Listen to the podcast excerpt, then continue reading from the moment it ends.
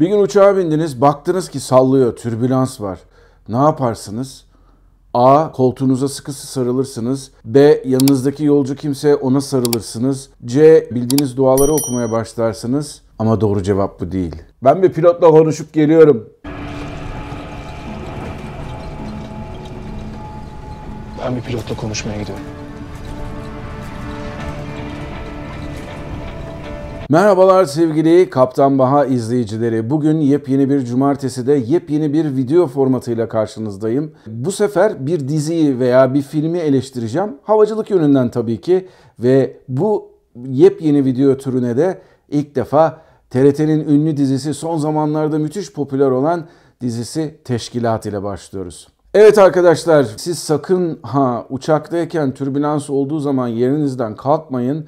Hele ve hele kemerinizi çözmeyin. Hadi bir de kahramanımızın dakika bir gol bir dizinin başlangıcında yaptığı gibi bu ne biçim türbülanstan ben pilotla konuşmaya gidiyorum. Tutun benim kahvemi filan şeklinde bir tavırda sakın ola olmayın. Her şeyden evvel sizin için tehlikeli. Çünkü türbülans zamanında yerinizde oturmanız ve kemerinizi bağlı tutmanız gerekiyor. Bu da kaptanınızdan size bir anons olsun.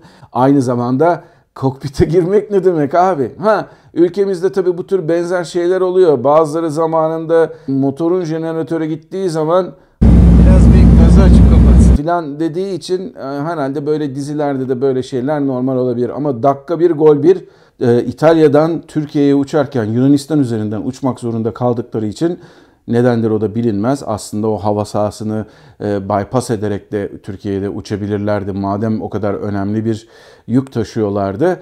Yunanistan'ın ufak bir meydanına acil durum ilan edip inişe gerçekleştiriyorlar. Burada çok fazla acayip bir şey yok.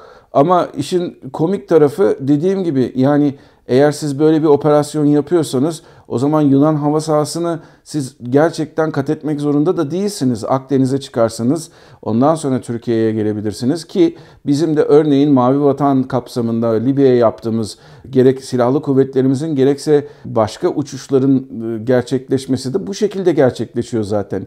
Yunanistan hava sahasını bypass ederek Akdeniz üzerinden ulaşıyoruz. Madem böyle hani söyledikleri gibi uçakta silahlar var ve senaryo biraz orada falso veriyor. Ama falso verdiği noktanın en kötü tarafı da bu değil. Örneğin bu arada bir uçak kazasından bahsediliyor.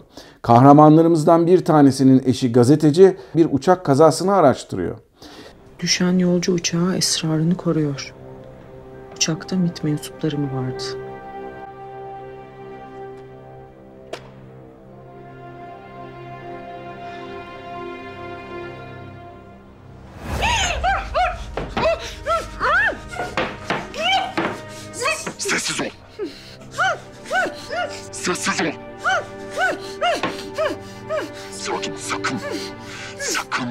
Çıkartma, sessiz ol. Sakın sesini çıkarma. Lütfen beni öldürme. Lütfen öldürme beni. Kazanın peşini bırak. Yoksa sonu senin için hiç iyi olmayacak.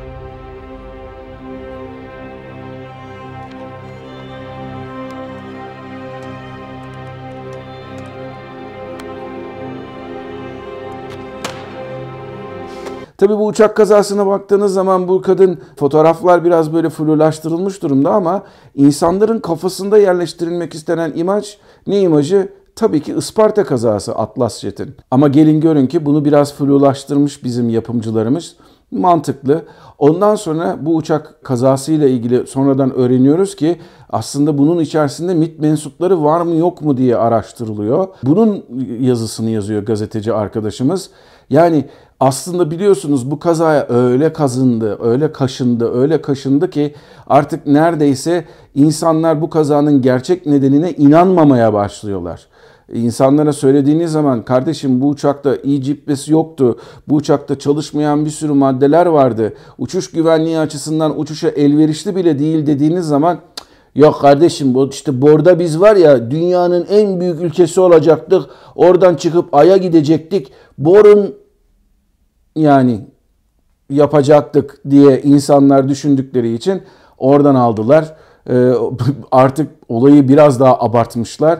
İşte bu uçakta MIT mensupları vardı filan şeklinde olayı bir nokta daha arttırmışlar olayın dramatizasyonunu.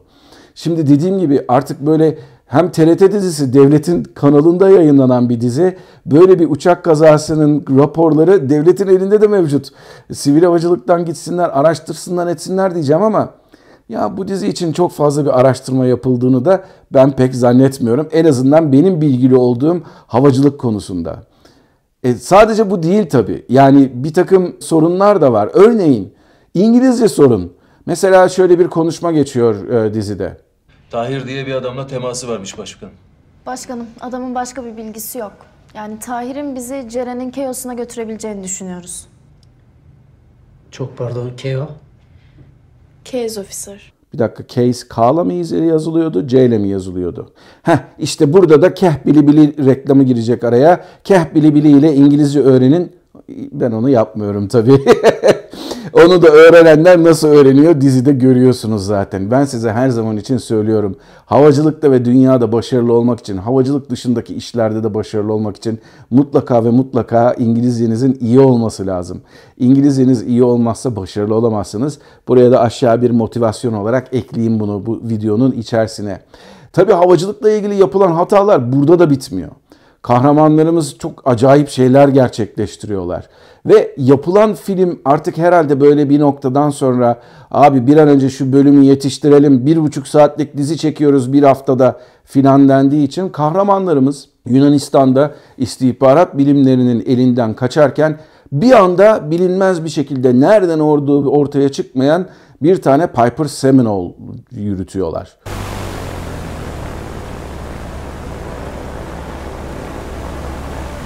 Ha yürütüyorlar diyorum çünkü dediğim gibi etrafta havaalanı yok. Havaalanından uzaklaşmışlardı sonra bir anda e, aralarında şöyle bir konuşma geçiyor.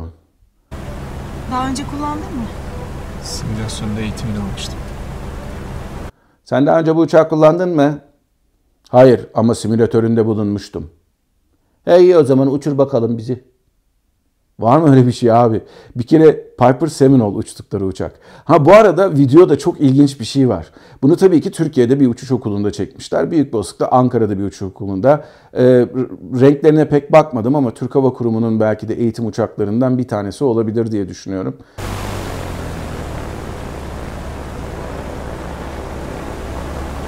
E tabi bu hangardan taksi yaparak motorlar çalışarak çıkıyor. Yani o video çekilirken bile, o e, dizi çekilirken bile o hangarın içerisinde olmak istemem. Çünkü hakikaten hangarın içerisinden taksi yaparak çıkan bir uçağın pervanelerinden gelen hava o hangarın içini mahveder.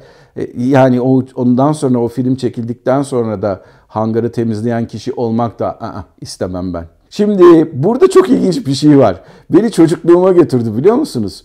Çünkü neden diyecek olursanız benim çocukluğumda böyle televizyonlarda bir şey bir haber çıkardı. Ankara'dan işte şu Uşak'a gitmekte olan bilmem kim yönetimindeki otobüs Afyon bölgesinde kaza yaptı. İşte 10 kişi yaralandı, 2 kişi hayatını kaybetti. Sonra bunun işte o TRT'nin zamanında e, kısıtlı imkanlarıyla çekilen videosunu gösterirlerdi. Ve otobüs şirketi bütün otobüsü paramparça olmuş. Belki de yani yarısı yok otobüsün ama mutlaka ve mutlaka otobüs şirketinin adının olduğu yere bir gazete serisi kaplanmıştır. Oğlum oradan bir, bir gazete al otobüsün şeyini kaplayacağız. Ha ölüler mi? Onlar, onları kaplamamıza gerek yok ama otobüs şirketinin adı ah, ah, çok sakın çıkmasın filan türünden yaklaşımlar vardı o yıllarda. Benzeri bir yaklaşım bu videoda da var. Artık nasıl bir şey yaptılarsa büyük bir olasılıkla uçağın üzerinde o ait olduğu uçuş okulunun veya eğitim üniversitesinin adı var. E onu kaplamaları lazım. Motorların üzerinde var. Bunları görüyorsunuz. Onun dışında motorların onun dışında motorların dışında bir de arkada kuyrukta isim yazıyor. Hani onu daha böyle bir usturuplu kaplamışlar ama motorların üzerindeki ismi ne yapacaklar? E biz bu şeyleri, stickerları çözecek miyiz buradan? Çıkaramıyoruz filan. E motorların üstü beyaz, beyaz bir bant bağlayalım. E, o da yok. E ne yapacağız? Abi biz buraya bir stip tape çekeriz. Vallahi çok güzel olur filan diye. Yani resmen benim çocukluğumda kaza yapan otobüs şirketlerinin isimlerinin üzerine kaplanan gazete kağıdı gibi bir, bir çözüm üretmişler orada. Vallahi hayretler içerisinde kaldım. İnsan oraya bari speed tape'i de boyar da öyle yapıştırır. Hani en azından bir böyle gözünüze giren bir şey olmaz. Tabii olay onunla da bitmiyor. Kahramanlarımız bu uçağı alıyorlar. Hangardan vıst diye çıkarıyorlar. Tabii nereden olduğu, bu uçak nereden çıktı belli değil. E, kendileri Yunanistan'ın o ücra köşesinden Gökçeada'ya kaçmaya çalışıyorlar. Bu sırada kaçtıkları zaman Gökçeada'ya kaçarlarken de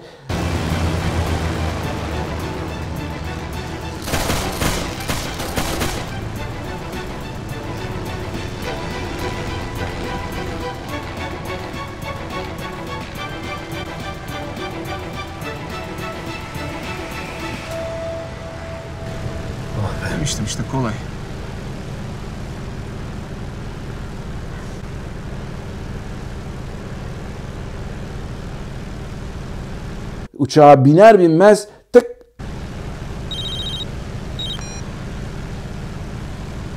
Başkanım, Zehra. Kasım sağ salim döndü. Sizin durumunuz nedir? Serdar'ı aldık başkanım. Dönüyoruz. Güzel. Plana sadık mısınız? Hayır başkanım. Hava yoluyla dönüyoruz. Daha doğrusu ilaçlama uçağıyla. Abi yani kaşla göz arasında siz istihbaratçısınız biraz gizli olması lazım her şeyin. Peki bu kadar cep telefonuyla zıttırı pıttırı call me maybe şeklinde araşıyorsunuz ama e, Yunan istihbaratının da el, al, e, eli armut toplamıyor herhalde. O cep telefonlarınızı takip etmiyorlar mı? Belki de etmiyorlardır kim bilir. Neyse kahramanlarımız havalanıyorlar. Bak gördün mü diyor bu kadar basit işte.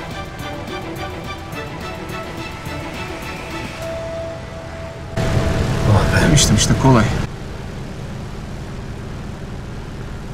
Hani söylenenler o kadar acayip ki neredeyse hani eskiden mahalle arasında bizim çocukken yapılan muhabbet vardır. Abi şu arabayı kullanır mısın? Abi vitesini bileyim kullanırım. Aynı ona benzer bir muhabbet. Aklınız hayaliniz durur. Ha olay bununla da bitmiyor. Asıl ve en önemlisi ne biliyor musunuz?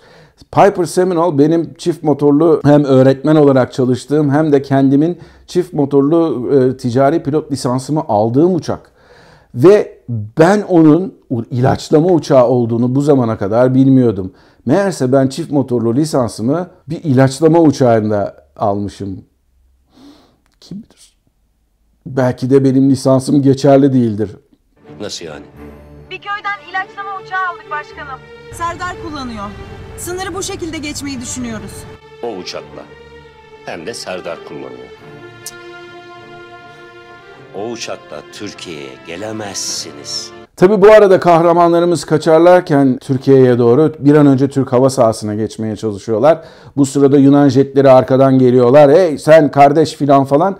E, bu arada Serdar denilen kahramanımız Yok o Serdar değil o benim arkadaşım olan Serdar. Diğer Serdar kahramanımız olan Serdar gerçekten de e, uçakta kulaklıkla uçuyor ama diğer kişiler onlar böyle arabada gider gibi lay lay loy loy muhabbet ederlerken kadın kahramanımız da normal telefonda konuşur gibi müdürüm biz aldık uçağı filan. Abi siz o uçağın içerisinde bırak telefonda konuşmayı birbirinizle zor konuşursunuz. Bu da tabii böyle bir ayrıntı. Ama işin başka yönleri de var. Şimdi uçağı ilaçlama ulaç uçağı dediniz ya. Müdür diyor ki O uçakla. Hem de Serdar kullanıyor. Cık.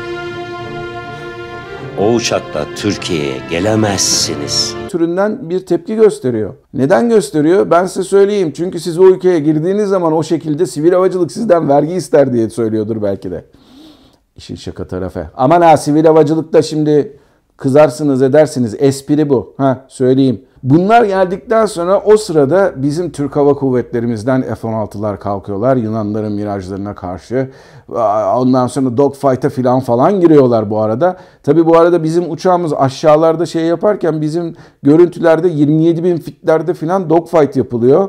Ne alaka? Tabi bu arada zamanında bizim hakikaten Türk Hava Kuvvetlerimizin yapmış olduğu bir dogfight sonucunda e, çekilmiş olan videolardan e, esinlenmeler alınmış.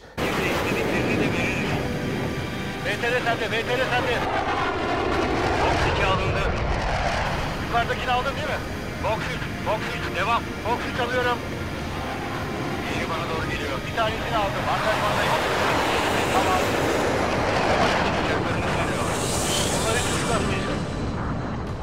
Arkadakini polinge getirdik. Ama öndekine çakabilirim. Kaçmaya çalışıyorlar. Ve orada işte öndekine çakarım muhabbeti vardır ya bizim çok güzel bir tabirdir. Hatta onun peçi bile yapıldı galiba. Onu kullanmışlar. Kullansınlar da yani senaryoda biraz sırıtıyor. yani biz de bunu buraya koyalım filan şeklinde. Neyse ondan sonra Piper Seminole allem ediyor kallem ediyor. O kadar hızlı uçuyor ki bizim F-16'larımız ona eşlik ediyorlar. İki tane F-16 geliyor. Piper Seminole'la beraber kol uçuşu yapıyorlar. Burada dikkatinizi çekecek bir nokta var. Bizim F-16'ların afterburner'ları açık. Yani Piper Seminole gibi yavaş giden bir uçağa yetişmek için afterburner'lar açılmış. Son sürat bizimkiler gidiyor ama Piper Seminole bu kahramanımızların uçağı o yüzden o da e, o kadar hızlı gidebiliyor yani. Kanatları nasıl kopmuyor ayrı bir konu.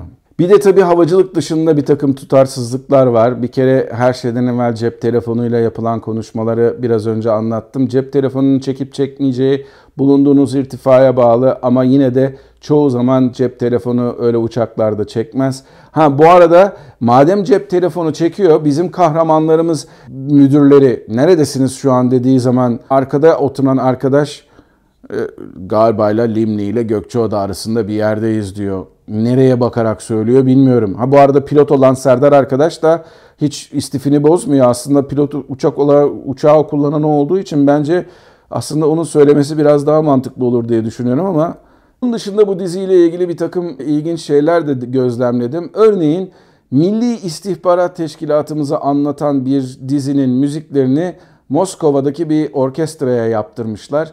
Neden ülkemizin ulusal orkestralarından bir tanesini kullanmadılar? O benim dikkatimi çekti. Ben böyle şeylere takıyorum biraz. Bu arada dizinin de sponsorları var. Dizinin sponsorları bilmem ne mobilyaları falan da değil. Sponsorları arasında kim var biliyor musunuz? Dünya çapında şirketlerimiz var. Sayıyorum. Aselsan var. Onun dışında Baykar var. E bu kadar şirketin sponsor olduğu bir firma, bu kadar havacılıkla ilgili, bu kadar elektronikle ilgili gelişmeler kaydetmiş firmalarımız sponsor oldukları dizilere bakmıyorlar mı acaba bunda ne tür saçmalıklar var diye. Bir tane belki bir tane pilot yollasalar, bir tane mühendis yollasalar bu tür saçma şeyleri önleseler olmaz mı diye düşünüyorum. E, bence fena olmaz. Hani ben kendim bir şey istemiyorum. Hani ben şimdi bu eleştiriyi yapıp da ondan sonra beni diziye danışman olarak alın filan falan. Öyle bir niyetim yok benim arkadaşlar. Benim zaten işim başımdan aşkın. Ama mesela öyle bir şey yapacaksanız askeri danışman var orada. Askeri danışman tutmuşlar. Bir tane de havacılık danışmanı tutun. Bugün mesela Tolga Özbek gibi bir cevher var ülkemizde. Alın Tolga'yı danışman yapın bu diziye abi. Yani kendisi de seve seve yapacaktır diye tahmin ediyorum. Bu yanlışlıkları düzeltecektir diye tahmin ediyorum. Hatta ve hatta bu yanlışlıkların ortaya çıkmasını engelleyecektir diye tahmin ediyorum. Bu arada Tolga'ya da pas atmış burundayım. Onun da işi başından aşkın ama belki de gerçekten güzel bir şey olur.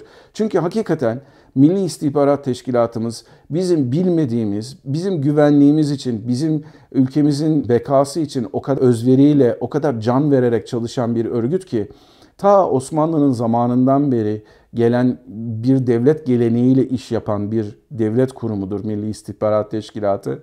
O yüzden bu kadar şehit veren, bu kadar özveride bulunan insanların verdiği emekleri bu kadar basitçe senaryolaştırmak haksız mıyım?